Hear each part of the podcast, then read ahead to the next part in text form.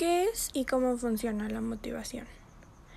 Hola, buenas tardes. Me presento, soy Valeria del primero cuarto de la Escuela Preparatoria Oficial número 7.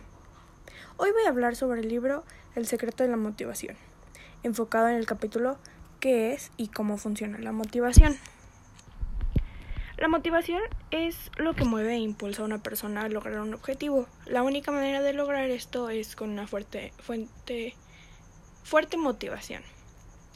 Todos tenemos la capacidad de estar y sentirnos motivados. El ser humano es la única especie sobre este planeta que es capaz de automotivarse y capaz de provocar pensamientos que detonen su motivación. Depende de los intereses de cada persona en enfocarse en su motivación.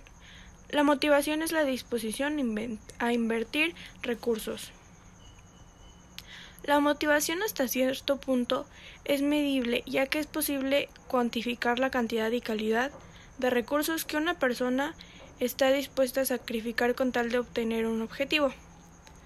Concluye que cuando enfocas todos tus recursos y pasiones en un solo objetivo, la motivación es mayor que cuando divides tu atención en varios objetivos. Gracias por su atención.